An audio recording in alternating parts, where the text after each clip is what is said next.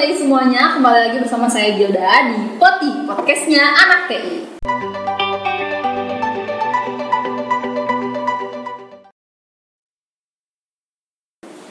Hari ini eh, kita kedatangan tamu spesial dari lembaga HMTI. Siapa lagi kalau bukan Kang Salman dan Kang. Yeay. Eh, halo Kang, apa kabar nih Kang Salman sama Kang Jess? Ya, eh, alhamdulillah sehat ya Gila. Eh, saya baik, alhamdulillah. Alhamdulillah. Gimana tadi perjalanan ke sini Kang? Macet, kan mau tahun baru nih. Oh enggak teh, Eh, tadi kebetulan saya kan eh, di kostum ya di KPRD, jadi tidak terkendala sih oleh macet, jadi lancar banget sampai sini. Alhamdulillah, alhamdulillah. Kalau saya sendiri kebetulan saya mempersiapkan dari malam gitu ya untuk podcast kali ini, jadi saya menginap di sekre gitu ya. Oh. kayak gitu. Persiapannya sangat ini ya, alhamdulillah banget. Mantap. Ya, Ah sebelum mulai, boleh nggak sih Kang perkenalan dulu, Akang namanya siapa, terus eh, jabatan di himpunan itu sebagai apa? Biar teman-teman semua tahu nih. Oke, boleh. Eh, perkenalkan nama saya Salman Muhammad Rizky. Eh, di himpunan kali ini saya diamanahkan sebagai Ketua Umum HMTI periode 2021-2022. Eh, perkenalkan, nama saya Fajar Yusuf Maulana eh, atau teman-teman semua di himpunan atau di kampus banyak manggil Jess gitu ya. Jadi teman-teman semua bisa manggil Jess. Eh, saya di sini sebagai eh, wakil ketua umum HMTI pada periode 2021-2022. Keren ya jabatannya, ya ampun, bener-bener seneng banget aku bisa ngobrol sama Kahim Kahim di sini. Oke, pertanyaan pertama nih Kang. Pengertian organisasi menurut eh, Kang Salma sama Kang Jess di sini apa sih? Oke, eh, saya dulu Kang Yes. Ya, jadi secara umum gitu ya, secara definisi dulu organisasi itu adalah sebuah wadah tempat orang-orang berkumpul, dua orang atau lebih yang di dalamnya memiliki tujuan yang sama, gitu. Nah, ditarik lagi eh, HMTI ini apakah sebuah organisasi atau bukan? Jelas di dalamnya gitu ya, eh, HMTI memiliki banyak orang di dalamnya dan memiliki tujuan yang sama juga, gitu ya. Hmm, gitu. Tujuan apa sih Kang kalau boleh tahu? Tujuannya seperti apa gitu? Tujuan HMTI-nya berarti ya? Iya, tujuan lain. Oke, eh, dari tujuan HMT itu sudah jelas ya eh, tertulis dalam konstitusi kita di anggaran dasar. Tujuan HMT Unpas itu ada tiga, gitu ya. Eh, yang pertama itu memelihara dan mengembangkan persatuan dan kesatuan mahasiswa teknik industri Unpas. Ya, Yang kedua, Kemudian, oh yang kedua di sini ada ikut aktif dalam proses pengembangan aktivitas kemahasiswaan.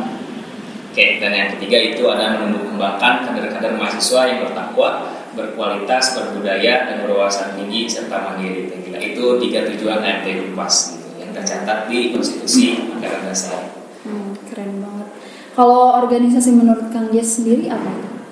Eh, kalau menurut saya pribadi gitu ya, kalau secara definisi memang sama ya. Eh, tadi sekumpulan orang eh, dua atau lebih yang memiliki tujuan yang sama gitu. ya.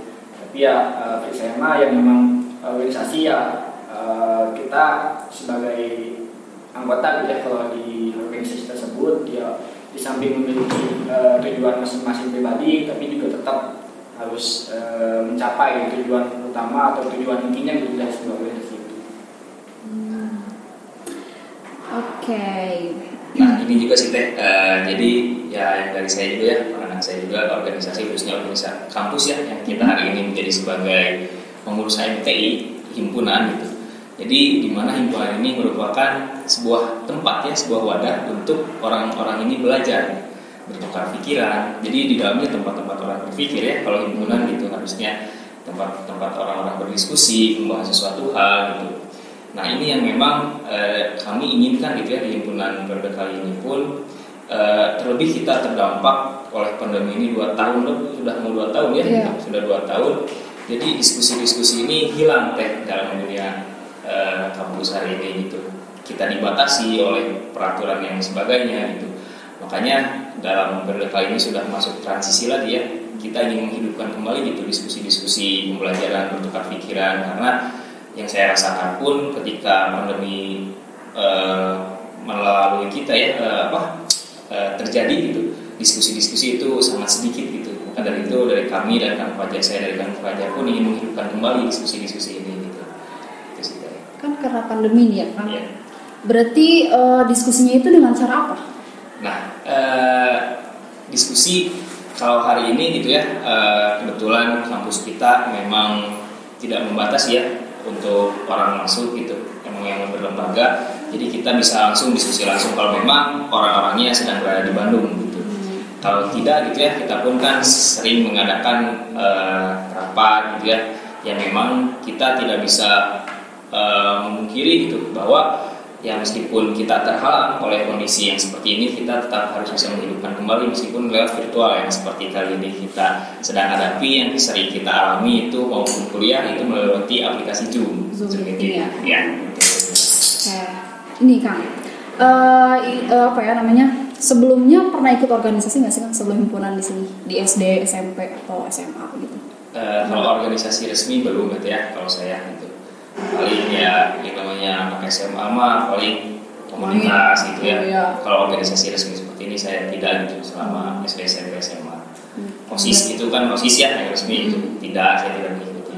Berarti ini baru pertama kali ya Kang? Ya ketika di kampus saya baru aktif gitu. Hmm. Kalau Anggis gimana? Eh, kalau saya sama ya eh, SD SMP SD mah nggak ada ya kan Eh, SMP nggak ikut eh, SMA juga sama paling ya cuma eskul eskul biasa gitu ya olahraga ya di situ memang cukup aktif tapi ya memang bukan resmi gitu ya yang tidak mengerti eh, bagaimana mengelola organisasi tersebut paling ini ada di kuliah di kampus baru pertama kali gitu ya eh, merasa tertarik itu masuk ke sebuah organisasi Udah berapa lama di himpunan? Eh, berapa periode? Dengan periode kali ini, Ya, berarti kalau saya sudah tiga periode tiga periode. Akang? sama kurang lebih ya sekarang jalan menuju tiga periode Hmm. Berarti di pengalaman pertama ini langsung ngambil tiga periode gitu ya kan? Keren. Ya mungkin saya dan Kang Fajar pun, apalagi kita dari maba ya, Kang Fajar mengikuti kepanitiaan, mulai kan kalau kita maba di apa diberikan tanggung jawab yang diberikan kesempatan untuk menjadi kepanitiaan syukuran angkatan dan Hmm. aksi peduli lingkungan. Gitu. Saya benar-benar terima Kang Fajar udah lama gitu, udah mau empat tahun bersama berarti. Gitu. Oke. Em, lanjut nih. Kegiatan apa sih yang eh, berulang setiap tahunnya di himpunan ini? Eh, saya di ya. Eh, jadi di lingkungan ini kan ada program kerja wajib gitu ya. Yang pertama ini ada APUM atau rapat umum di mana di sini sosok kahim sebelumnya gitu ya mempertanggungjawabkan PLD-nya gitu. Ada LPD di sana dan membahas mengenai konstitusi lembaga ke depannya bakal bagaimana gitu ya. Ini memang program kerja yang bakal ada setiap tahunnya. Dan juga ada LKO yang memang eh, sebagai masuk kriteria gitu ya eh, dalam ketua himpunan memang pasti diwajibkan pasti diadakan tiap tahunnya gitu ya. Jadi LKO yang isinya eh, bagaimana pengenalan mengenai kepemimpinan bagaimana atau entah itu organisasi ataupun komunitas-komunitas yang ada di MTI gitu. Lalu yang ketiga ini ada PKKB dan maka gitu ya merupakan program kerja yang memang perkandaran ini memang pasti ada di setiap tahunnya. Memang dirasa dibutuhkan ya eh, pada program kerja kali ini gitu. Eh, dari pengandaran mahasiswa baru biasanya untuk PKKMB dan maka ini. Jadi itu program-program kerja yang wajib eh, pasti ada di tiap tahunnya. Lalu yang memang sudah sudah eh, terulang-ulang bertahun-tahun gitu ya seperti ada general merupakan seminar akademik gitu ya mengenai mata kuliah ataupun topik akademik lainnya lalu juga ada pelatihan keprofesian mengenai keahlian apa nih yang memang dibutuhkan ketika lulus ataupun menjadi seorang teknik industri gitu ya. Lalu juga ada eh, biasanya eh, tadi kan lebih ke akademik ya eh, yang lain-lain juga ada eh, PORI atau pekan olahraga teknik industri di sini tiap tahun ada ya yang memang diadakan untuk silaturahmi gitu ya eh, dari setiap angkatan di teknik industri gitu. Jadi memang itu sih yang memang eh, sisanya memang banyak masih banyak gitu ya tapi itu masih sesuai dengan kebutuhan dari prodi masing-masing gitu tapi itu yang disebutkan dari beberapa memang biasanya atau identik lah dilaksanakan di MTI lengkap banget ya eh, kegiatan-kegiatannya. Nah dari serangkaian kegiatan nih banyak banget kan tadi. Kegiatan apa yang paling seru menurut Kak Sama sama? Ya, eh, kalau dari saya pertama ya, jelas eh, ketika saya tahun pertama saja ya tuh ya, jadi pengurus himpunan, memang yang paling berkesan itu terutama menjadi kepanitiaan, jelas itu PKKMB dan Makrab, Oh, iya. karena di situ kami sering bertemu gitu ya, seminggu kami bisa dua kali rapat sampai malam untuk membahas bagaimana eh, secara konsepan dan teknisan nanti PKKMB dan Makrab itu, karena kan uh, PKKMB Makrab ini merupakan sebuah program pengkaderan ya bagaimana kita uh, memberi mahasiswa baru itu mau seperti apa gitu. Nah ya kalau dari saya itu memang yang paling berkesan menurut saya itu ada di kepanitiaan PKKMB dan Makrab. Oke, itu malamnya sampai jam berapa kang? Rapatnya biasanya? Wah, kalau dulu itu offline kan kita seminggu dua kali offline gitu ya eh, rapat PKKMB Makrab ini dan kebetulan itu tidak mengganggu jam belajar karena sedang libur gitu kalau dulu kan posisinya sedang kan kalau kuliah libur dari genap ke ganjil itu tiga bulan ya kurang lebih nah kita pakai tiga bulan dua bulan lah dua sebulan kita pakai untuk semester sisipan dulu dua bulan baru kita mulai bekerja eh, mulai rapat gitu ya mulai membangun kepanitiaan itu sampai bisa sampai jam 12 malam itu mulai dari jam setengah isya biasanya gitu Hmm, Kayak gitu pegel ya? nah, lumayan tapi seru lah gitu ya Iya, oke. Kalau dari Kang Ges gimana? Kegiatan Eh, apa? kegiatan yang memang ketika menjadi panitia gitu ya jadi panitia yang memang dirasakan sangat merasakan apalagi pertama kali ya memang KKN yang gitu ya di mana acara memang besar ya yang memang membutuhkan effort lebih lah eh, dari acara-acara yang lain kegiatan yang lain jadi yang memang paling berkesan itu PKKN Bina Nakal untuk eh, sebagai kepanitiaan gitu. karena di sana ya tadi juga eh, menjadi bisa prosesnya gitu ya entah itu dalam rapat dan lain sebagainya gitu ya dan ketika pelaksanaan pun yang memang saya di sana sebagai dulu pertama kali menjadi kakak pembimbing gitu ya. Hmm. yang di mana merasakan juga gitu dua kali malah ya eh, bagaimana saya awal menjadi maba gitu ya yang di yang di kandang gitu ya. Tapi juga ketika saya menjadi panitia dan kakak pembimbing ya sampai ikut merasakan juga gitu ya sebagai benteng lah gitu dari bapak yang dulunya saya merasakan. Jadi saya harus eh, mengapin mereka gitu ya yang saya dahulu gitu.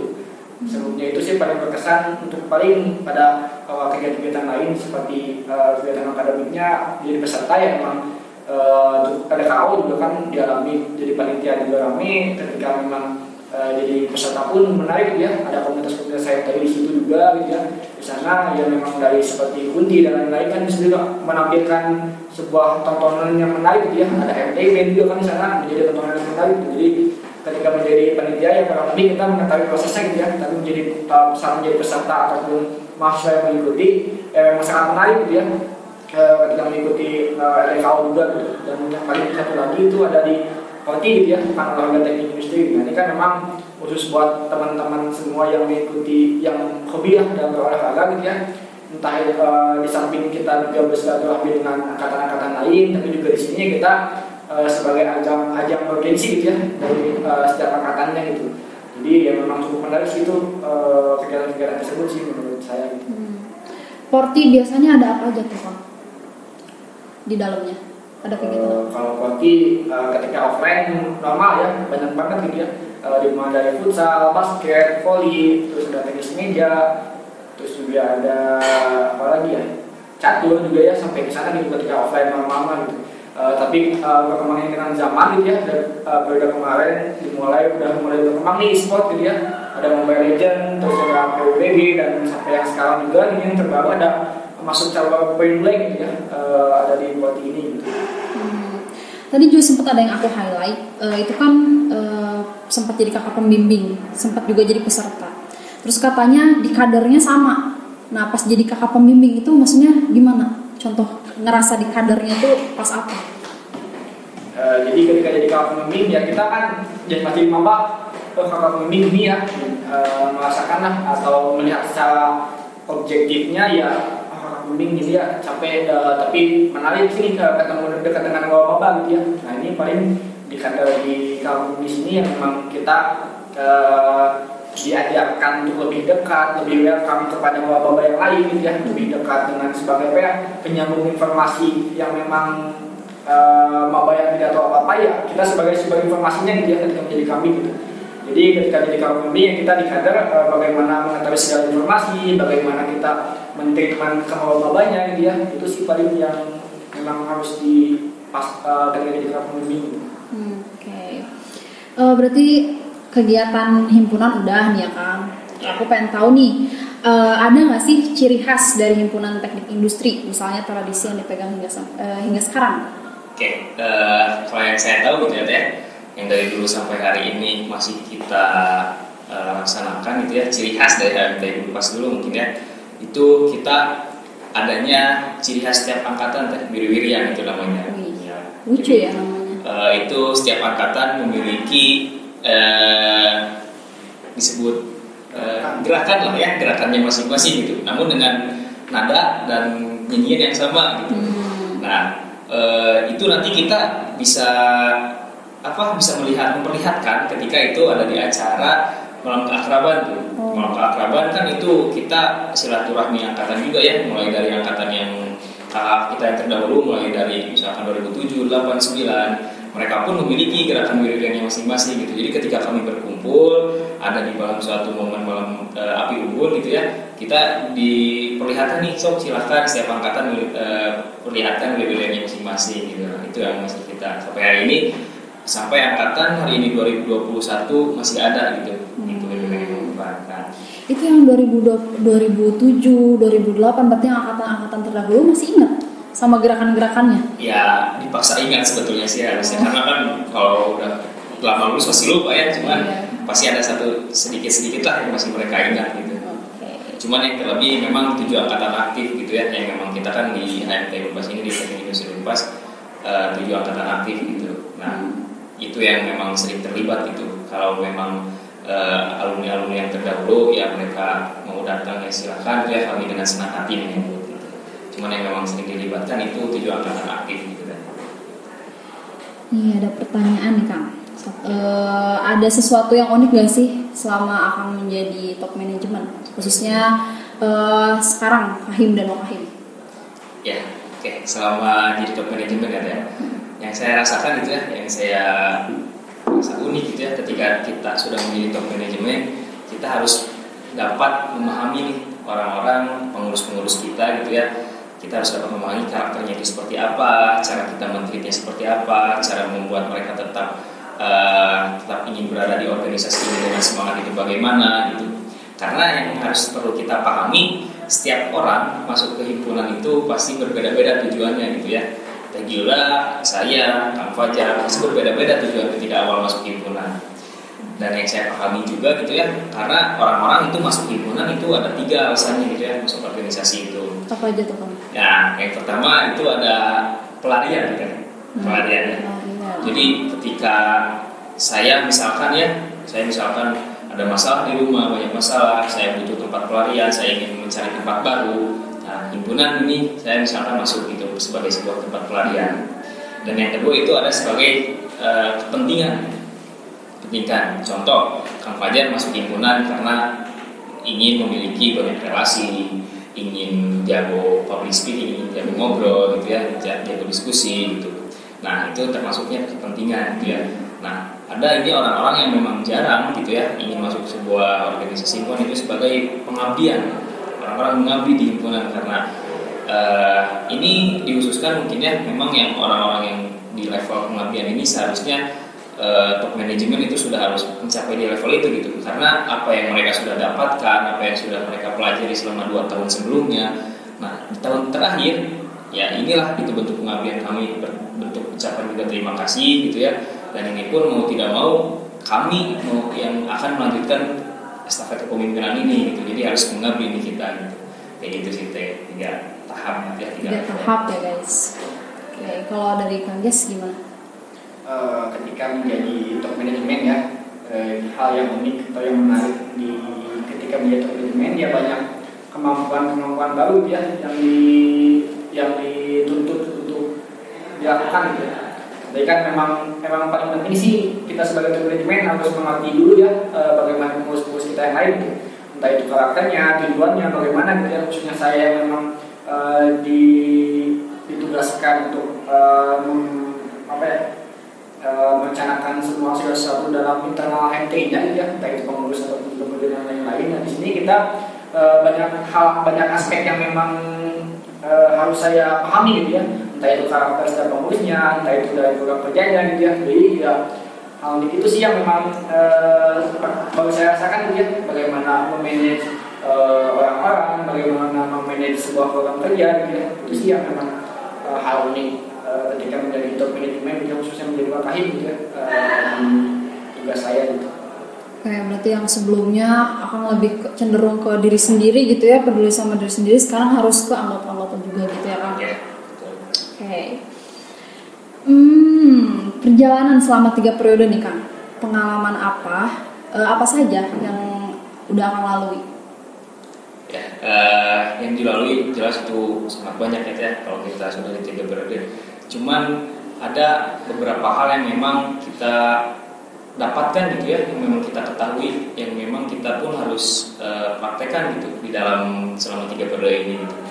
Nah, yang saya dapatkan gitu ya, yang, dan saya pun lihat, yang saya rasakan yang pertama itu ketika kita di periode pertama nih ya, kita jelas gitu, kita posisinya kosong banget nih belum tahu apa-apa gitu kita baru belajar sesuatu yang baru gitu ya dari periode pertama gitu. Kita mengetahui oh ternyata kondisi himpunan itu seperti ini cara eh, cara berjalannya seperti ini kayak gitu. Dan yang di periode kedua ketika kita sudah masuk ke periode kedua gitu. Nah kita ini belajar bagaimana untuk menjadi gitu ya menjadi penerus tongkat estafet gitu. Karena mau tidak mau siapa lagi gitu kalau bukan kita ya yang memang dipercaya gitu. Nah, yang ketiga itu ketika kita sudah menjadi top manajemen nih, kita sudah tak harus tahu gitu ya bagaimana cara melaksanakannya, cara melakukannya, mengimplementasikan apa saja yang selama dua tahun kemarin kita sudah pelajari gitu. Kayak gitu. Itu sih yang selama tiga periode ini saya dapatkan. Jadi mencari tahu, belajar menjadi dan melaksanakan gitu ya. Iya, betul. Kalau dari Kang Jis gimana? Eh, jika diurutkan dia pengalaman saya dari ketiga step tadi ya eh, dari belajar terus untuk bagaimana menjadinya lalu melaksanakannya pertama ketika saya menjadi eh, menjabat eh, periode pertama kali memang saya kondisinya bukan baru pertama kali ya memasuki organisasi nah di sini ya memang eh, saya tidak tahu apa apa di sini memang saya biar pengen tahu eh, segalanya yang ada di HMT gitu ya jadi ya saya eh, kebanyakan diam lah kebanyakan diam gitu ya eh, mencari tahu eh, mengambil banyak-banyak informasi mengenai HMT-nya gitu ya pada periode pertama gitu. jadi eh, ya walaupun belajar sedikit-sedikit gitu ya eh, menjadi kepanitiaan dan lain-lain gitu. Nah pada periode kedua saya mulai ya mulai dilibatkan bisa contohnya tadi pada periode pertama kayak di aku nih kita kan di sana ada meja terus membahas konstitusi gitu ya. Di sana kan kita ya saya kondisinya pertama kali baru mengetahui gitu ya oh, ternyata di HMT ada konstitu- konstitusi dan lain-lain gitu ya. Bagaimana RPG dan lain-lain. Nah periode kedua saya sudah mulai belajar untuk eh, bagaimana sih eh, isian dari konstitusi tersebut gitu. Bagaimana sih eh, apa sih yang memang ada di konstitusi di ADRT apa aja sih yang di dalamnya gitu ya. Jadi eh, udah mulai mencoba memahami ke dalamnya lagi gitu kan eh, pada periode kedua gitu. Entah itu kepanitiaan maupun kerja yang lainnya gitu ya eh, lebih dalam gitu. Nah pada ketiga khususnya top manajemen eh, lebih memikirkan contohnya tadi kasusnya eh, kayak di ADRT gitu ya. Nah, apa sih yang harus diubah nih di periode ketiga nih pada periode kali ini gitu ya? Yang tadi awalnya hanya mengetahui lalu kita memahami lebih mengenai apa sih uh, dari ADRT yang ketiga ini pada periode ketiga ya kita harus mengetahui apa sih yang harus diubah gitu ya? Apa sih yang harus diperbarui dari ADRT gitu ya? Nah itu uh, merupakan contoh kecilnya dari step by stepnya gitu ya dari periode pertama kedua ketiga gitu ya yang memang seperti itu gitu. Nah itu paling ya itu sih uh, pada periode ini ketiga juga walaupun selesai ya udah banyak juga gitu ya bukan tempatnya lagi kita uh, mencari tahu, bukan tempatnya lagi kita uh, belajar untuk meraba-raba lah gimana di himpunan gitu ya. Jadi kita ya harus sudah uh, idealnya memang sudah tahu ya, walaupun memang kita masih belajar juga sama gitu ya uh, top manajemen. Tapi yang lebih sudah tingkatan lebih lanjut lagi gitu ya dibanding periode pertama dan kedua gitu. Karena megang anggota-anggota juga kan ya Kang. Kalau boleh tahu eh, itu tuh emang cuma tiga periode aja atau bisa lebih dari misalnya empat periode gitu atau mau satu periode doang gitu gimana kan? Eh, jadi eh, apa maksudnya jadi bagaimana- sampai tiga periode aja. ya maksimal itu tiga periode Maksimal. untuk untuk bisa mengikutinya karena kan eh, kita pun kuliah kan standarnya empat tahun ya Hmm. yang pertama kita kan difokuskan eh, dikenalkan dulu nih di pengkaderan lah. Di awal kita menjadi maba nih. Nah tahun kedua kan kita kalau di kita tahun kedua baru bisa nih masuk himpunan. Oh, iya. tahun ketiga tahun keempat beres gitu. Jadi akademik dan organisasi juga beres gitu. Ya, berarti nggak bisa ya dari pas masuk nih masuk kuliah langsung jadi himpunan tuh nggak bisa. salah nggak bisa. Nah, Eh nih, tadi kan udah nih ya, banyak banget yang akan melalui eh, peristiwa-peristiwa, pengalaman, eh, perubahan dalam diri eh, apa yang terjadi sebelum dan sesudah akan menjadi anggota himpunan. Oke, ya, ketika sudah menjadi anggota himpunan ya, berarti dari sebelumnya. Mungkin sebelum menjadi anggota himpunan, eh, menjadi anggota kelembagaan, kita tidak biasa didapatkan dihadapkan dengan sebuah masalah. Hmm. Dan ketika kita sudah masuk ke himpunan gitu ya, bagaimana kita memiliki tanggung jawab yang besar, yang memiliki eh, banyak yang harus dilakukan gitu ya, yang itu merupakan sebuah masalah-masalah yang harus dibereskan. Mungkin yang saya rasakan sampai hari ini eh, ketika menghadapi sebuah masalah kita lebih tenang, kita bisa lebih eh, tenang menghadapi, kita bagaimana cara menyelesaikannya, kita bisa eh, berpikirnya bagaimana sih masalah ini meskipun masalah ini besar gitu ya tapi kita tetap menghadapinya dengan tenang gitu tidak dengan panik gitu yang kedua itu memang e, menurut saya e, dengan tadinya besarnya tanggung jawab kita lebih menjadi e, pendewasaan lebih dapat gitu ya. Lebih lebih dewasa lagi gitu dalam menghadapi sesuatu. Apalagi e, kita sudah menjadi ketua dan wakil sudah seharusnya gitu ya kita bisa selangkah lebih gitu dari teman-teman yang lain ada di himpunan kayak gitu gitu. Oke. Kalau dari kampus sendiri itu apa perubahannya? perubahan dia dari sebelum dan sesudah gitu ya atau sampai saat ini lah gitu. Yang memang dirasakan banget gitu ya sama saya ketika memang belum eh, menjabat organisasi atau di HMD ya Eh, saya memang pada dasarnya orangnya pendiam gitu ya Eh, pendiam dan kuranglah dalam public speaking gitu ya dan memang tadi kata juga dibahas kan tiga periode gitu ya saya dari periode pertama malah saya mengklaim diri saya bahwa pada periode pertama saya tidak ingin mengungkapkan apa pun tapi saya cuma pengen diam mendengarkan saja gitu ya Ngikut arus. Iya ngikut-ngikut aja gitu. Saya nggak akan berpendapat, saya akan sebagainya lah. Jadi saya eh, pendiam saya pada saat itu ya memang hanya eh, mendengarkan saja lah, menyimak dan lain-lain lah bagaimana mengetahui segala halnya gitu ya. Nah eh, karena kondisinya pun saya masih susah gitu mengungkapkan apa yang apa yang pernah ada yang ada yang pikiran saya gitu ya, entah itu pendapat ataupun masukan dan lain-lain gitu ya. Eh, sangat sulit dia untuk eh, mengungkapkannya gitu pada saat itu gitu ya. Nah, ketika berjalannya waktu sampai saat ini sudah mulai terbiasa lah bagaimana bahkan eh, saat ini saya duduk di sini pun gitu ya di pot ini ya karena himpunan gitu ya eh, saya bisa berbicara seperti ini gitu ya. Karena sebelumnya saya jamin dua tahun tiga tahun yang lalu saya nggak akan bisa seperti ini gitu. Saya nggak akan eh, bisa ngomong banyak seperti ini gitu ya di depan kamera di depan teman-teman yang lain gitu ya. Saya tidak bisa gitu jika memang eh, tidak melewati proses di eh, tidak mengikuti himpunan gitu ya Nah karena tuntutan ataupun apa ya perkembangan yang memang keharusan lah yang harus dilaksanakan dari waktu dari waktu ke waktu sudah mulai terbiasa nih public speaking gitu ya. Jadi yang paling saya rasakan itu perbedaan dari public speaking gitu ya. Ketika pertama kali menjabat saya terbilang atau di apa ya dikhususkan oleh teman-teman yang lain sebagai uh, seorang penulis yang pendiam gitu. Bahkan ketika rapat, bahkan ketika saya diharuskan bicara pun saya cuma uh, mengungkapkan sepatah dua patah kata saja gitu yang memang seharusnya banyak gitu ya tapi cuma bisa bilang semangat uh, terus juga uh, jangan lupa mengerjakan tugas-tugasnya gitu ya. Cuma itu saja yang keluar dari uh, mulut saya gitu ya. Walaupun sebenarnya seharusnya yang dikatakan itu lebih banyak. Gitu. nah ketika saat itu karena keterbatasan saya gitu ya dalam public speaking uh, itu sih uh, memang terasa banget sampai saat ini gitu ya. Jadi saya memang tadi juga masuk ke pengabdian gitu ya yang tadi poin tadi sebelumnya dibahas oleh Kahim gitu ya di situ ya memang uh, saat ini saya merasa punya apa ya uh, himpunan teh berjasa juga gitu buat saya gitu ya. Jadi apa yang saya lakukan saat ini ya saya uh, karena balas budi lah uh, dari himpunan yang telah diberikan kepada saya gitu ya. Saya pun ya maksimalkan apa yang saya punya gitu ya. Apa yang saya dapat dari himpunan ya saya kembalikan lagi gitu ya ke himpunan gitu. Nah itu sih uh, yang paling utama gitu ya di public speaking gitu. Nah Uh, terus juga kan sebenarnya masih banyak sih ya tadi juga ada mengenai problem solving gitu ya bagaimana memecahkan permasalahan dan lain-lain gitu ya. Yang di mana di awal jujur saja gitu ya kan ada juga dibahas mengenai tiga aspek tiga alasan mengapa uh, mahasiswa organisasi gitu ya. Tadi kan pelarian kepentingan dan pengabdian gitu ya. Nah saya rasa saya mengalami ketiganya gitu. Yang pertama saya uh, jujur saja gitu ya pertama kali masuk ke himpunan saya nggak mau gabut gitu ya di kuliah gitu ya. Nggak mau gabut pokoknya jadi saya pengen punya kegiatan lah. Karena saya memang tidak tujuan di awal masuk kuliah juga tidak tahu mau ngapain nggak tahu mau gimana mau lulus bagaimana nggak tahu itu sama sekali gitu ya. Tapi ya saya uh, pikiran saya saat itu saya pengen daftar gitu ya pengen daftar menjadi anggota himpunan. Ya sebagai pelarian gitu awalnya gitu ya. Saya nggak mau kesepian saya nggak mau uh, gabut. Jadi ya memang saya teh uh, larinya ke himpunan gitu ya. Alhamdulillah juga bermanfaat gitu ya kegiatan-kegiatannya gitu ya.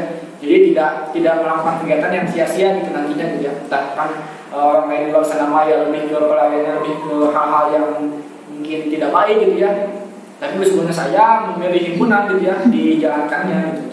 Nah itu sih paling kepentingan juga banyak gitu ya seperti pada periode kedua uh, apalagi dalam kondisi online gitu ya saya pengen banyak channel mengenai tugas kuliah mengenai praktikum itu juga memang uh, apa ya uh, memang dibutuhkan banget gitu kepentingan saya gitu ya ketika masuk di himpunan gitu. Lalu yang ketiga pengabdian walaupun uh, menurut saya susah gitu ya uh, saya mengakui saya bahwa saya mengabdi gitu ya tapi ya uh, saya niat saya dalam diri saya gitu ya pada periode ketiga kali ini ya saya uh, memberikan segalanya yang saya punya gitu ya buat himpunan gitu ya. Ya ini mah uh, planning dari saya sendiri gitu ya bahwa saya mengabdi di himpunan gitu ya. Walaupun tetap masih ada mengenai pelarian masih ada mengenai kepentingan gitu ya. Tapi ya uh, sudah mulai menuju ke pengabdiannya gitu ya uh, pada periode kali ini gitu. Nah itu banyak-banyak banget sih yang dirasakan. Nah itu uh, pokoknya yang paling inti yang paling penting itu di bagian ya perubahan yang saya alami gitu ada uh, shopping juga ada mappingan gitu ya. Kan uh, tugas saya sebagai wakil juga di sini yang memang awalnya saya cuma di, di apa ya disuapin lah sama atau manajemen yang lain gitu ya pada pertama kedua jadi uh, Jess nih ini ini ini gitu. Biasanya uh, cuma di gitu gitu ya. Uh, jadi cuma disuapin uh, nih uh, menjadi ini ini. Tapi ketika uh, saya menjadi manajemen ya saya harus bisa merencanakan uh, apa ya beberapa aspek yang memang yang harus dilakukan gitu ya berbeda ya, ya beda, banget. Jadi yang awalnya di lah sudah nama tapi sekarang harus saya yang menyuapinya gitu ya. Nah jadi uh, pada periode kali ini ya pada atau manajemen kali ini ya itu saya harus bisa merencanakan program kerja maupun pembebanan dari setiap pengurusnya gitu ya. Dan di sini kita uh, saya sebagai wakahim juga mendapatkan ilmu tersebut gitu ya ilmu uh, merencanakan lah uh, entah itu mungkin di sini sumber daya manusia lah di mata kuliah mana dia Nah saya walaupun tidak tidak sama persis tapi ya kurang lebih uh, apa ya sama gitu ya tujuannya gitu ya, ke arah sana gitu untuk memanage uh, pengurusnya bagaimana, kerjanya bagaimana, walaupun itu tidak sendiri uh, semua sendiri oleh saya gitu ya, tapi dibantu dengan top manajemen yang lain gitu uh, mengenai mappingan tersebut gitu. Tapi ya kurang lebih saya mendapatkan ilmunya gitu ya mengenai hal tersebut. Itu sih yang paling yang paling merupakan yang paling saya, saya alami gitu ya ketika menjadi Ya, berarti dari Kang Salman, dari Kang Jas itu berarti kan hampir banyak ya perubahan dari sebelum dan sesudah menjadi anggota kelembagaan itu. Berarti kalau menurut Akang tujuannya berhasil dong ya? Tujuan dari himpunan itu sendiri?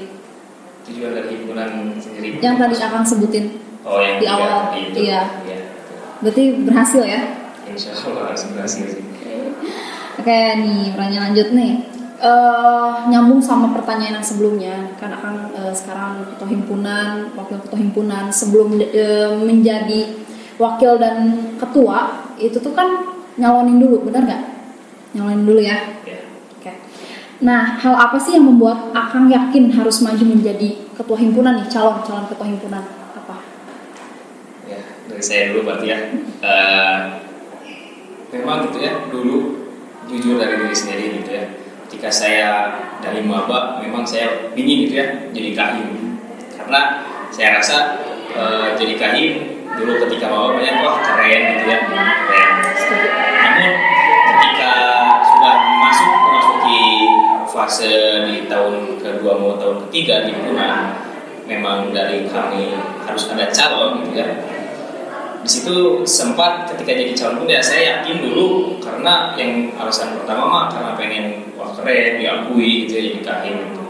Cuman setelah sudah masuk nih ke himpunan uh, saya dua tahun ya di divisi sosial kesejahteraan mahasiswa ternyata menjadi anggota himpunan tidak cukup hanya keren saja gitu tapi harus bermanfaat juga gitu. khusus di divisi tersebut saya Eh, mau tidak mau itu memang tugasnya mencari aspirasi yang bersifat keluhan gitu ya.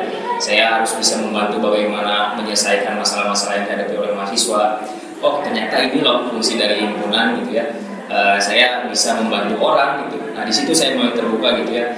Uh, tahun pertama saya menjadi staff, tahun kedua saya menjadi kadif yang lebih memiliki wewenang gitu ya terhadap divisi tersebut. saya bisa uh, alhamdulillah bisa membantu orang-orang yang memang harus dibantu gitu tapi pasti ada saja gitu ya orang yang tidak terbantu gitu nah di situ uh, yang membuat saya yakin gitu ya karena dalam hidup saya sendiri saya memiliki statement gitu ya untuk hidup saya sendiri bahwa di mana pun saya berada ya saya harus bermanfaat gitu. Itu yang membuat saya yakin.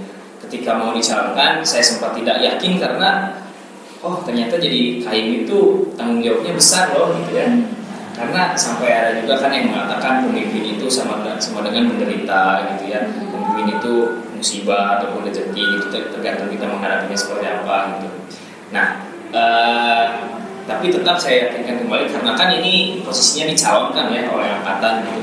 Siapa saja orang-orang yang akan menjadi calon gitu ya di ketua calon ketua himpunan dan ya memang sudah jalannya saya dicalonkan gitu ya oleh angkatan saya dipajukan ya mau tidak mau ketika sudah menjadi calon ya saya harus bisa memberikan yang terbaik gitu ya saya harus bisa memberikan rasa kepercayaan saya eh, memberikan rasa kepercayaan teman-teman terhadap saya. Saya harus bisa membuktikan bahwa saya uh, bisa menjadi ketua umum HMTI gitu. Kayak gitu gitu teh. Jadi itulah gitu ya. Uh, dan terasa setelah saya menjadi ketua umum pun uh, wewenang saya lebih besar lagi gitu ya untuk bisa menghadapi sesuatu untuk bisa mengambil keputusan dan yang lain-lain. Jadi uh, yang memang tujuan saya pun tercapai gitu ya secara pribadi gitu. Saya ingin ya bermanfaat bagi orang lain karena ya di sini pun kami kan di himpunan uh, menyalurkan uh, apa menyelenggarakan aspirasi gitu ya dari mahasiswa. Misalkan mahasiswa pengen program ini ini itu gitu ya. Secara tidak langsung pun Teh Gilda di sini pun teman-teman yang menjadi pengurus AMT itu sudah bermanfaat gitu ya bagi orang-orang yang lain gitu. Teman-teman sudah menyediakan tempat untuk teman-teman belajar. Misalkan seminar oh teman-teman menjadi kepanitiaan oh ternyata banyak orang yang ikut mendapatkan ilmu gitu kan itu sudah menjadi orang yang bermanfaat gitu bagi teman-teman yang lain kayak gitu sih teh Berarti uh, kan dipilih ya, dipilih sama angkatan. Iya. Tapi itu termasuk ke tuntutan nggak menurut akang? Tuntutan. Jadi merasa dituntut gitu harus jadi ketua himpunan. Ya, uh, itu gimana menanggapinya juga gitu ya. Kalau saya sih uh, merasa dituntut, merasa dipercaya sih saya lebih jauhnya gitu ya merasa dipercaya oleh angkatan saya maju gitu ya sebagai calon ketua himpunan ya udah gitu. Saya langsung harus membuktikan saya teman-teman harus bisa saya buktikan gitu kayak gitu. Mungkin sama keinginan-keinginan sebelumnya juga kan ya? Iya betul. Kalau dari kang Gia sendiri gimana? Uh, apa gitu? Padahal kan tanggung jawabnya besar ya jadi uh, jadi yang memang alasan terbesar saya waktu itu menyalonkan ya menjadi ketua HMTI yang pertama itu benar sih alasan terbesar saya ya karena saya dipilih oleh angkatan ya karena ya saya mikirnya ya oh saya ini dipercaya gitu ya sama teman-teman saya gitu ya. Maksudnya saya mundur dan lain-lain gitu ya. Dan saya juga kadang suka mikir gitu ya dalam benak saya teh nah sih buat diri saya gitu ya apa sih yang ada dalam diri saya gitu ya sampai uh, teman-teman angkatan T memilih saya buat uh, maju gitu ya uh, menjadi uh, calon ketua himpunan saat itu gitu ya Nah memang uh, apa ya ketika melihat karakter diri saya pribadi pun uh, sulit gitu ya untuk menjadi sosok ketua HMTI-nya gitu ya. Memang saya pribadi pun sudah mengaca diri lah uh, kapasitas saya di mana, lalu juga uh, posisi saya di mana gitu ya. Nah di sini ya saya uh, cukup pesimis mengenai karakter saya pribadi gitu ya saat itu gitu sebenarnya gitu. Tapi ya balik lagi memang motivasi terbesar saya karena kepercayaan teman-teman gitu ya. Uh, misalnya yes sok men misalnya uh, percayalah kamarnya gil-gil misalnya. Nah itu kan mulai ada uh, rasa kepercayaan tersebut ya membangunlah motivasi di dirinya gitu diri saya gitu ya. Uh, seperti contohnya kayak ya saya bakal memaksimalkan apa yang ada dalam diri saya gitu ya. Saya tidak nggak uh, mikir kayak ah uh, harus menjadi pemimpin yang gini gini gini gitu ya. Tapi ya yang ada dalam pikiran saya saat itu ya saya sudah percaya saya bakal maju gitu ya. Apa pun uh, resikonya apa pun yang terjadi nanti ya saya bakal maju gitu ya. Uh, yang penting saya sudah dipercayakan oleh angkatan dan dipilih juga oleh tujuh angkatan. Kan itu pilihan hasil akhirnya berbeda juga nantinya gitu ya. Jadi ya saya maksimalkan lah apa yang ketika terpilih jadi calon saat itu. Ya itu sih saya bahkan mindset saya waktu itu ya saya bakal memberikan apa yang ada dalam diri saya saja gitu ya. Uh, belum nggak ada kepikiran buat merubah saya menjadi pemimpin yang ini ini gitu ya. Ya uh, bayangan saya saat itu ya saya bakal menjadi pemimpin yang kayak saya aja gitu ya. Entah itu pembawaannya bagaimana. Jadi ya uh, tetap menjadi diri sendiri lah gitu ya saat menjadi ketua sana terpilih gitu ya uh, saat itu gitu ya. Nah, itu sih pemikiran awal uh, saya mah ya saya juga ke pengabdian saya gitu ya uh, sebagai rasa rasa saya gitu ya yang sudah menjadikan saya seperti ini kepada himpunan dan juga kepercayaan teman-teman semua. Banyak juga dukungan-dukungan dari teman-teman gitu ya teman-teman angkatan dan uh, teman-teman uh, juga angkatan yang lainnya gitu ya. Itu sih yang paling menguatkan saya gitu ya uh, ketika memilih maju menjadi calon ketua HMTI saat itu.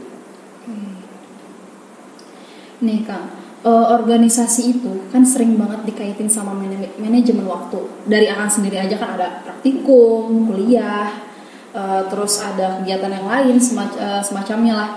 Uh, itu gimana nih menurut Akang statement organisasi sering dikaitkan dengan manajemen waktu? terkait dengan manajemen waktu berarti bagaimana kita dapat memanage waktunya dengan baik gitu ya, ya betul.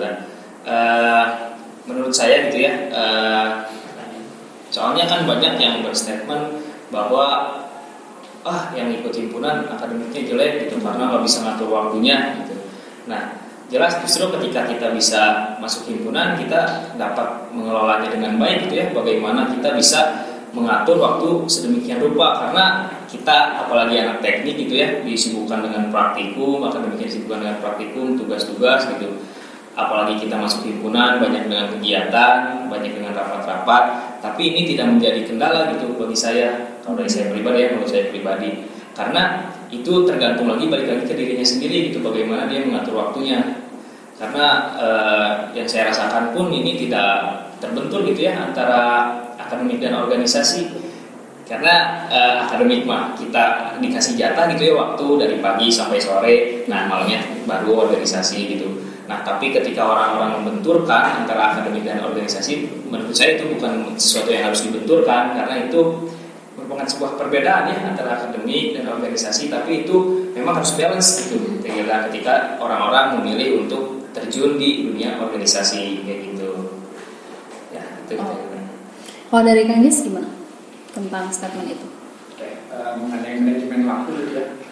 Memang sedikit cerita dulu ya ketika saya pertama kali uh, kepikiran buat masuk KMT gitu ya saya sempat nanya ke kakak kakak tingkat saya waktu itu ya, di luar kampus sih bukan di Unpas uh, ikutan ikutan organisasi jangan ya gitu. Uh, malah jawaban kakak tingkat yang saya tanyakan itu nggak usah lah uh, di organisasi masih sibuk nanti uh, akademiknya ketinggalan dan lain-lain gitu ya. Uh, saya mendapatkan saran tersebut gitu ya, dari kakak tingkat yang waktu itu saya tanyakan gitu tapi ya entah kenapa gitu ya panggilan hati sebenarnya uh, saya saat itu tetap memilih lah buat ikut HMTI gitu ya. Buat tetap ikut lah bodo amat lah. Nawang cepat yang penting jalan ya ikut ya di situ ya memang sedikitnya awalnya ya memang uh, pasti ada kaitannya memang lah antara manajemen waktu dan juga uh, ya antara himpunan dan juga uh, akademik gitu ya. Memang pasti ada banget lah kaitannya gitu ya karena memang tujuan kita kuliah kan ya kuliah lah kampus mata kuliah dan lain sebagainya gitu ya memang prioritas utama. Nah kan tujuan awal juga saya kan tadi sudah sebutkan ya nggak mau gabut gini ya saya kan uh, entah itu tentang mata kuliah ya cuma di kuliah doang gitu ya yang saya maksimalkan ya saya belajar saat di kuliah doang gitu ya. Di luar di luar sana mah ya kemungkinan saya nggak terjamin lah maka ngapain atau bakal belajar pun nggak mungkin kan.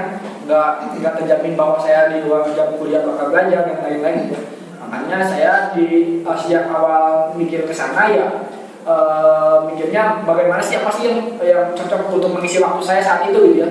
Nah dipilihlah saya waktu itu ikut organisasi gitu ya mengisi gitu. Jadi uh, ketika pun saya sudah memposisikan lah uh, HMTI eh, kuliah dari jam segini jam segini. Jadi saya mencari kegiatan yang lain yang kosongnya nih. Jadi ya saya mindset saya waktu itu ya mengisi waktu kosongnya gitu. Tidak dibenturkan ah misalnya saya masuk HMTI maka mengganggu kuliah enggak gitu. tapi saya mindset saya ya uh, mengisi waktu kosong saya dengan organisasi dengan HMTI gitu ya saat itu gitu. Jadi ya uh, menurut saya maka memang hal bahaya yang berbeda gitu ya kayak tadi kata Kang Salman gitu. Jadi ya memang uh, yang waktu juga berbeda tapi ya uh, memang dibutuhkan manajemen waktu kadang-kala gitu ya di himpunan dan juga akademik bisa saja terjadi dalam waktu yang sama gitu ya entah itu tugas maupun kewajiban dan lain-lainnya gitu ya terjadi di waktu yang sama. Nah itu membutuhkan manajemen waktu gitu ya. Entah itu pembagian pengerjaannya bagaimana uh, entah itu prioritas utamanya di mana gitu ya. Itu sih belajar di sana memang ada kaitannya gitu ya. Ketika memasuki uh, organisasi ya bakal dituntut untuk kita belajar untuk manajemen waktu gitu ya. Bagaimana caranya kita manage waktu kita agar tetap uh, menyelesaikan semua kewajiban dan tugas-tugasnya gitu ya. Dan bisa manajemen waktu tersebut uh, saya itu baru mendapatkan mendapatkan apa ya uh, pandangan baru gitu ya. Tidak hanya manajemen waktu tapi juga manajemen energi gitu ya.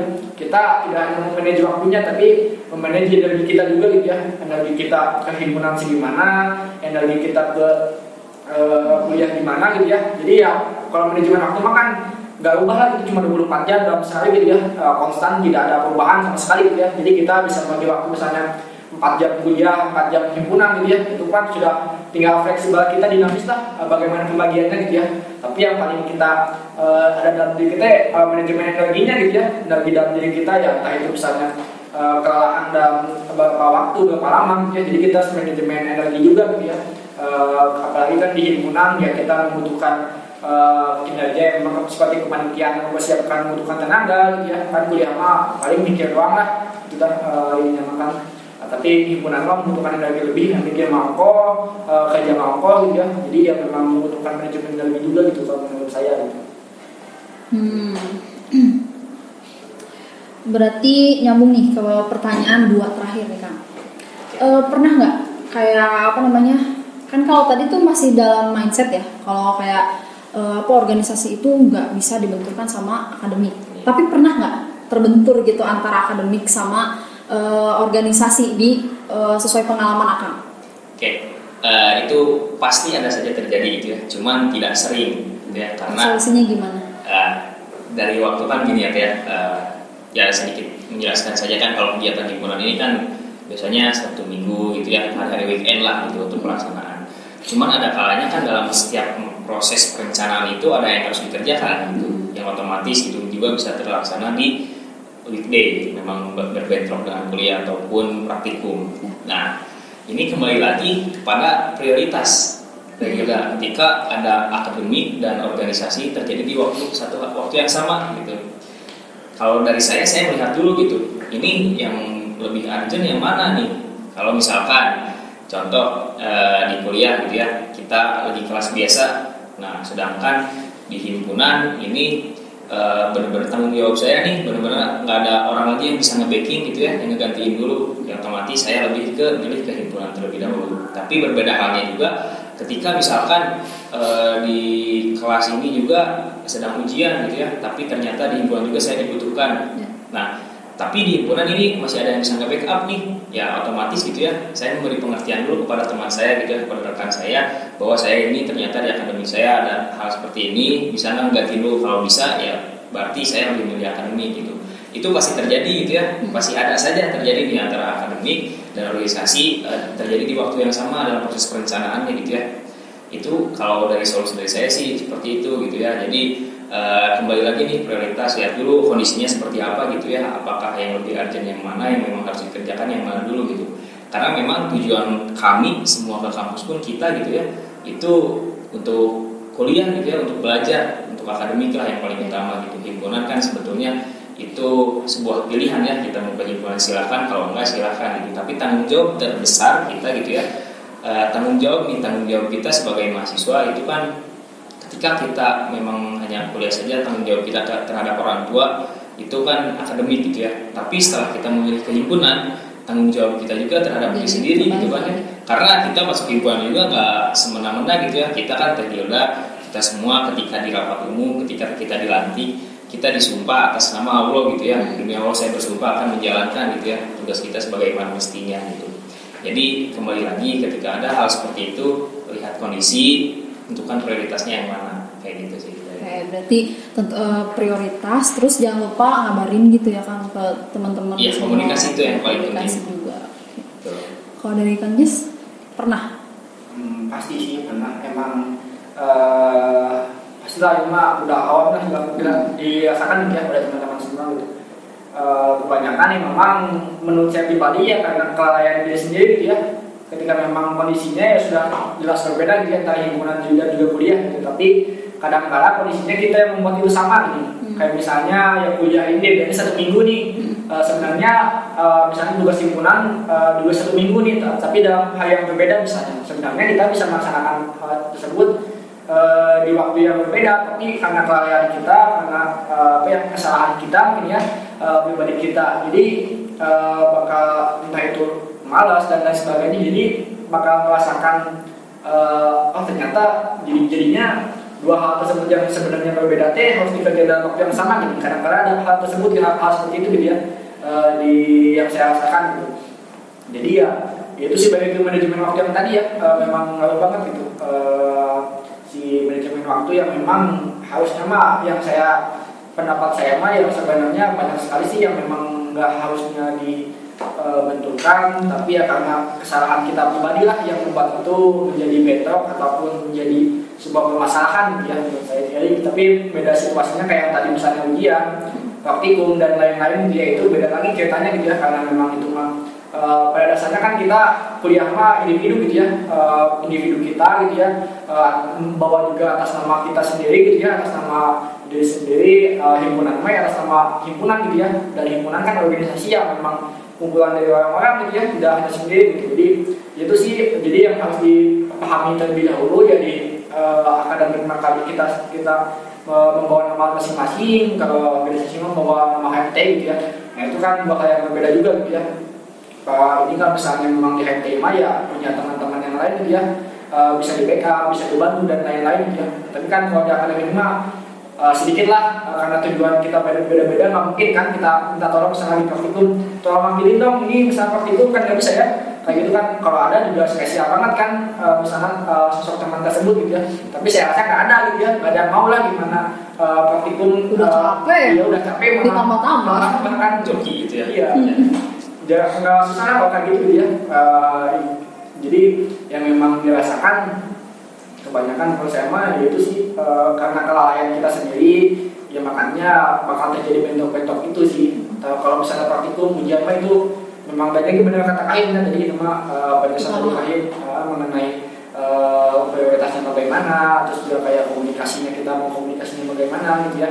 Terus juga kayak menentukan pilihan nih eh, mana yang penting yang harus didahulukan mana yang bisa ditinggalkan atau enggaknya gitu ya itu kan eh, decision making yang bakal dirasakan oleh teman-teman semua gitu ya ketika eh, merasakan kejadian tersebut gitu. Jadi itu sih paling mau memperjelas saja bahwa di HMTI ya kita juga kan eh, apa ya memegang asas kekeluargaan gitu ya.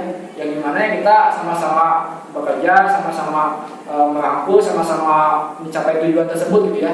Jadi ya bisa mindset saya pun saya di HMT nggak sendiri gitu saya punya teman-teman yang lain gitu ya. Jadi saya nggak merasa terbebani sendiri saya nggak merasa susah sendiri gitu ya tapi ada teman-teman yang lain gitu ya. Jadi ketika memang eh, tugas akademik yang mau saya kerjakan ya saya eh, kerjakan ya akademiknya gitu ya. Jadi tapi tetap ada komunikasi dengan teman-teman yang lain misalnya di eh, himpunan saya nggak bisa gini-gini gitu ya. Dan kadang kala pun dari top manajemen sudah memperkirakan hal tersebut gitu ya. Karena memang kan biasanya konstan ya, tapi apa ya berulang lah. Misalnya kan pada bulan segini biasanya sibuk ini ini ini gitu ya. Biasanya top manajemen mengerti gitu ya.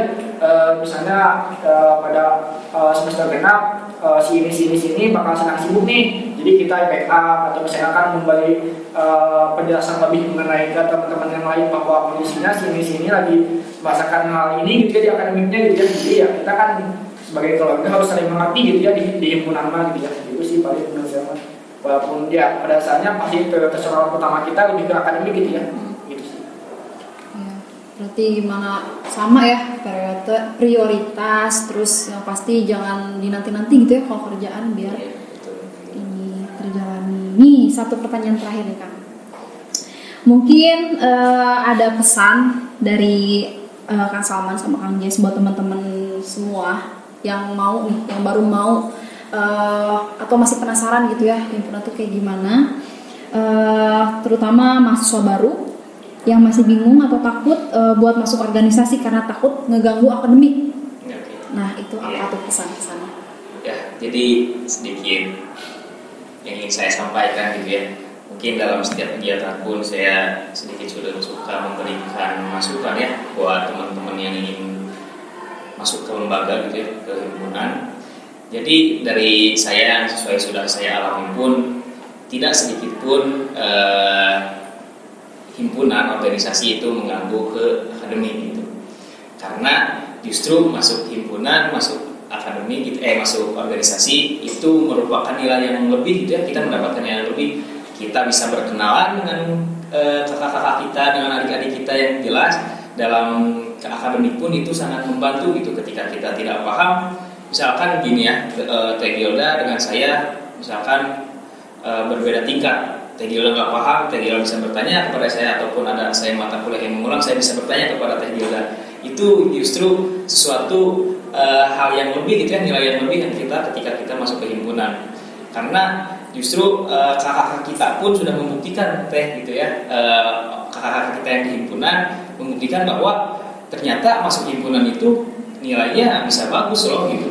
Jadi lebih dimudahkan gitu ya kan bisa karena kita kan lebih kenal juga gitu ya dengan dosen-dosen kalau kita himpunan karena sering berinteraksi gitu.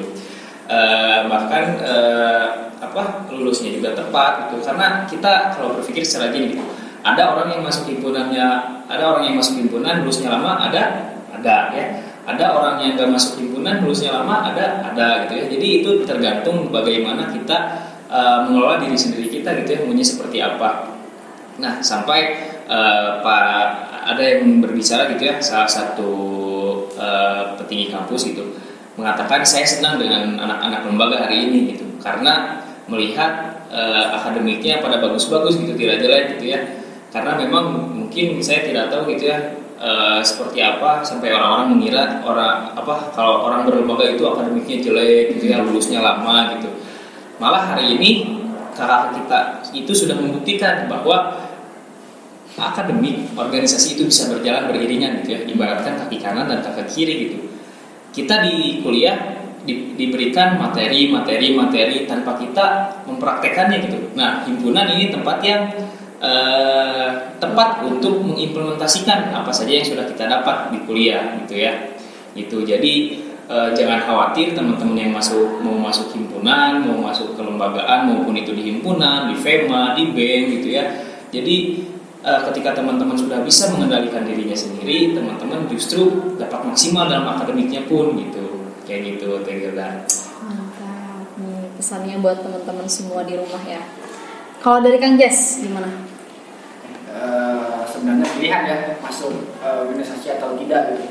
Tapi menurut saya gitu ya uh, saya ke, uh, analogikan kecil sedikit. Misalkan ketika misalnya kita lulus uh, misalnya ikut akademiknya saja sampai lulus misalnya kita dapat poin 10 misalnya ya. Uh, tapi ketika kita uh, uh, apa ya kan organisasi uh, dan akademik beda ya. Misalnya akademik mendapatkan 10 nih output dari yang kita dapatkan ketika lulus kuliah misalnya. Tapi di organisasi kita dapat 15 misalnya. Karena kita kan mengimplementasikan apa yang ada di perkuliahan gitu ya dari sini kan menjadi poin tambah gitu ya. Kalau ditotalkan menjadi 25 misalnya kan. Nah itu kan maka dari itu ya uh, akademik dan organisasi merupakan hal yang apa ya yang sangat penting gitu ya buat keduanya gitu ya. Uh, apalagi dunia kerja nanti gitu ya. Saya kan mungkin yang saya tekankan kepada teman-teman semua gitu ya ketika memang e, masih ragu gitu ya untuk mengikuti organisasi e, entah itu sebagai entah itu apa ya mindset teman-teman semua yang e, kurang atau misalnya ya teman-teman kurang minat nih masuk e, organisasi karena nggak paham ataupun dan lain-lain lah kecuali yang memang teman-teman nggak masalah gitu ya kalau teman-teman memilih organisasi di luar sana gitu ya yang penting organisasi teman-teman semua berkembang gitu ya tapi di sini yang saya tekankan mengajak teman-teman semua yang memiliki mindset bahwa uh, organisasi itu memang mengganggu perkuliahan gitu ya. Nah ini sih yang paling ditekankan gitu ya. Karena yang saya pengalaman saya pun banyak mendengar bahwa ya tadi kan pertama kasus pertama uh, apa namanya takut uh, akademiknya jelek gitu terganggu gitu ya karena mengikuti organisasi. Ada juga yang tidak diizinkan orang tua karena uh, apa ya memiliki trauma buruk gitu ya dengan misalnya kakaknya yang uh, apa ya namanya kakaknya yang nilai jelek karena organisasi gitu ya. Jadi orang tua uh, teman-teman semua teh menyalahkan organisasinya gitu ya. Nah jadi organisasi ini menjadi kambing hitam gitu ya karena sebenarnya mungkin juga kayak misalnya contohnya saya nih saya ada bikin jelek karena di kampus lain gitu ya. Dan orang tua mah taunya organisasi yang bikin kalau saya nilai jelek teh gitu ya. Sebenarnya bukan itu gitu ya. Tapi dia saya sendiri gitu yang bikin itu gitu ya. Uh, jadi yang menurut saya untuk teman-teman semua juga gitu ya kalau misalnya memang mau meyakinkan orang tuanya ataupun meyakinkan diri sendiri saya jamin pun ketika memang niat kalian baik gitu ya di himpunan niat kalian eh, apa ya belajar gitu ya, di organisasi ya memang bakal mendapatkan nilai tambah gitu ya sekecil apa pun pokoknya bakal menjadi manfaat lah gitu ketika mengikuti organisasi gitu ya. Eh, saya pun ya banyak kan contoh-contoh dari teman-teman semua ya kakak-kakak yang lain juga contohnya kan udah ada yang uh, alumni-alumni juga banyak yang sudah kerja bahkan uh, jadi uh, memegang jabatan yang tinggi juga gitu ya itu kan memang bukti yang nyata gitu ya bahwa misalnya organisasi uh, sangat membantu lah apalagi sudah di akademik gitu ya uh, di dunia kerja nanti gitu ya. Kalian pun bakal merasakan lah ketika cuma teori-teori doang ketika melaksanakan praktek gitu ya. Nggak bisa gitu uh, mau digimanain sih teori kita gitu ya. Tapi kita ya kita nggak tahu mau digimanain sih teori kita gitu. Kalau kita misalnya tidak mengimplementasikannya gitu ya. Makanya kan tadi juga sudah disebutkan diimplementasikanlah di organisasi gitu ya mengenai ilmu yang didapat gitu jadi ya kan e, memang e, kondisinya organisasi ini ya memang fleksibel gitu ya.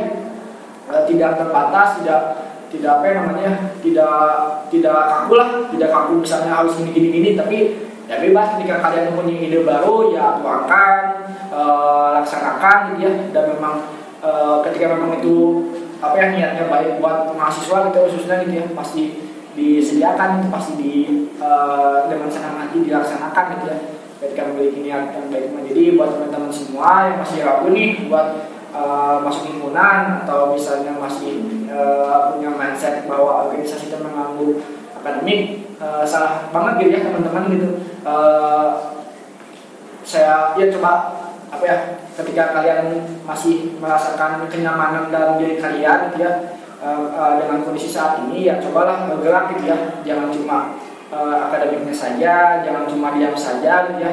Jangan cuma kalian mengikuti jalan saja tapi coba lawan arusnya gitu ya. Coba lawan jalan yang lain gitu coba bergeraklah gitu ya ke yang lain juga gitu ya. Karena di sana juga kita bisa menemukan hal-hal yang bermanfaat buat kalian gitu ya. Tapi ketika kalian tidak ingin bergerak ketika kalian tidak ingin berjalan uh, melawan arah ataupun melawan arus gitu ya ya kalian bakal stuck di situ saja gitu ya. Jadi buat teman-teman ya ayo kita bergerak sama-sama kita berjalan sama-sama untuk menjadi uh, apa ya yang lebih baik buat ke depannya gitu ya. Saya pastikan ketika teman-teman ikut organisasi pasti mendapatkan sesuatu yang uh, bermanfaat buat teman-teman semua gitu ya. Entah itu buat diri masing-masing buat diri teman-teman sendiri ataupun buat uh, teman-teman yang lainnya juga gitu ya. Karena berdampak gitu ketika mengikuti organisasi HMTI khususnya gitu. Gitu sih. Jadi uh, aku coba simpulin ya jadi dengan adanya organisasi itu justru kalau misalnya kita mengelolanya dengan baik kita bukan berkurang justru malah jadi dapat poin plus gitu ya kang? Iya, betul, thank you lah. betul banget. Ada close statement nggak dari kang Salman atau kang Jes Mangga, sama diwakilkan. Ya, eh, jadi sedikit dari saya juga statement.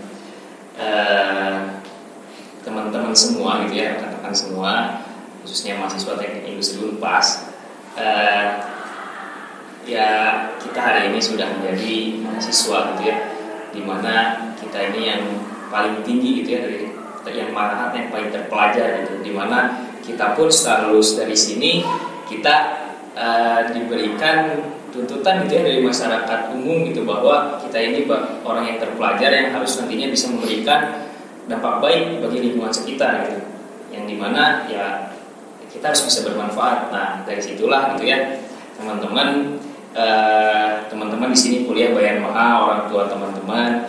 Jangan sampai teman-teman hanya menggunakan eh, kuliah kuliah kuliah kuliah saja gitu. Sangat disayangkan gitu ketika orang tua bayar mahal tapi kita hanya fokus saja dalam akademiknya gitu. Padahal organisasi justru akan mendapatkan nilai-nilai yang lebih gitu ya ketika kita mengikutinya dan buat khususnya rekan-rekan mahasiswa teknik industri eh, kita harus tetap terus ya belajar berjuang bersama untuk kita dapat membangun khususnya gitu ya di himpunan usaha bangsa dan agama. Karena eh, pada tridharma perguruan tinggi pun kan penelitian dan pengembangan pendidikan pengajar yang paling penting juga itu pengabdian kepada masyarakat gitu.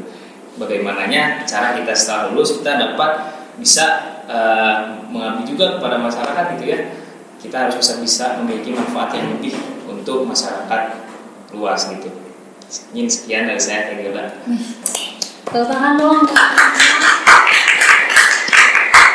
Mungkin dari Kang Fajar ada Kang Fajar semangat. Closing statement eh, apa ya kita menyangkut mahasiswa gitu ya status kita sebagai mahasiswa yang memang menurut saya eh, sedikit menyimpang ya persepsi mengenai mahasiswa gitu. Yang di mana mahasiswa di sini tidak hanya sebatas kuliah saja gitu ya. Mungkin mindset teman-teman semua eh, hanya berfokus pada mahasiswa dapat ijazah terus eh, apa ya ya lebih ke diri sendiri gitu ya. Sebenarnya ketika kita menjadi mahasiswa kita bukan hanya ditugaskan menjadi uh, pribadi yang lebih baik ya. Tapi kita juga membangun negara lebih baik ya karena kan memang diawali uh, atau khususnya perguruan tinggi memang kita sebagai apa ya uh, mahasiswa ya memang cukup berat juga gitu ya dengan kita harus membangun negeri kita sama-sama gitu ya kan memang kebanyakan dimulai dari perguruan tinggi gitu ya uh, pendidikan ataupun uh, kaderisasi mengenai uh, kenegaraan dan lain-lain ya, kebanyakannya gitu. Nah itu makanya tidak semudah ini gitu ya status uh, kita sebagai mahasiswa gitu ya. Contohnya contoh kecil-kecilnya saja gitu ya ketika uh, kalian semua di rumah misalnya sama bapak ditanya uh, nggak bisa masang gas gitu ya pasti kata-kata yang keluar malah seorang mahasiswa nggak bisa masang gas gitu ya itu kan paling hal dasar sedikit pun gitu ya karena uh, menurut pandangan mereka yang uh, masyarakat luas gitu ya kita sebagai mahasiswa ya bisa apa ya lebih terpelajar kan tadi sudah disebutkan oleh Kahim gitu ya.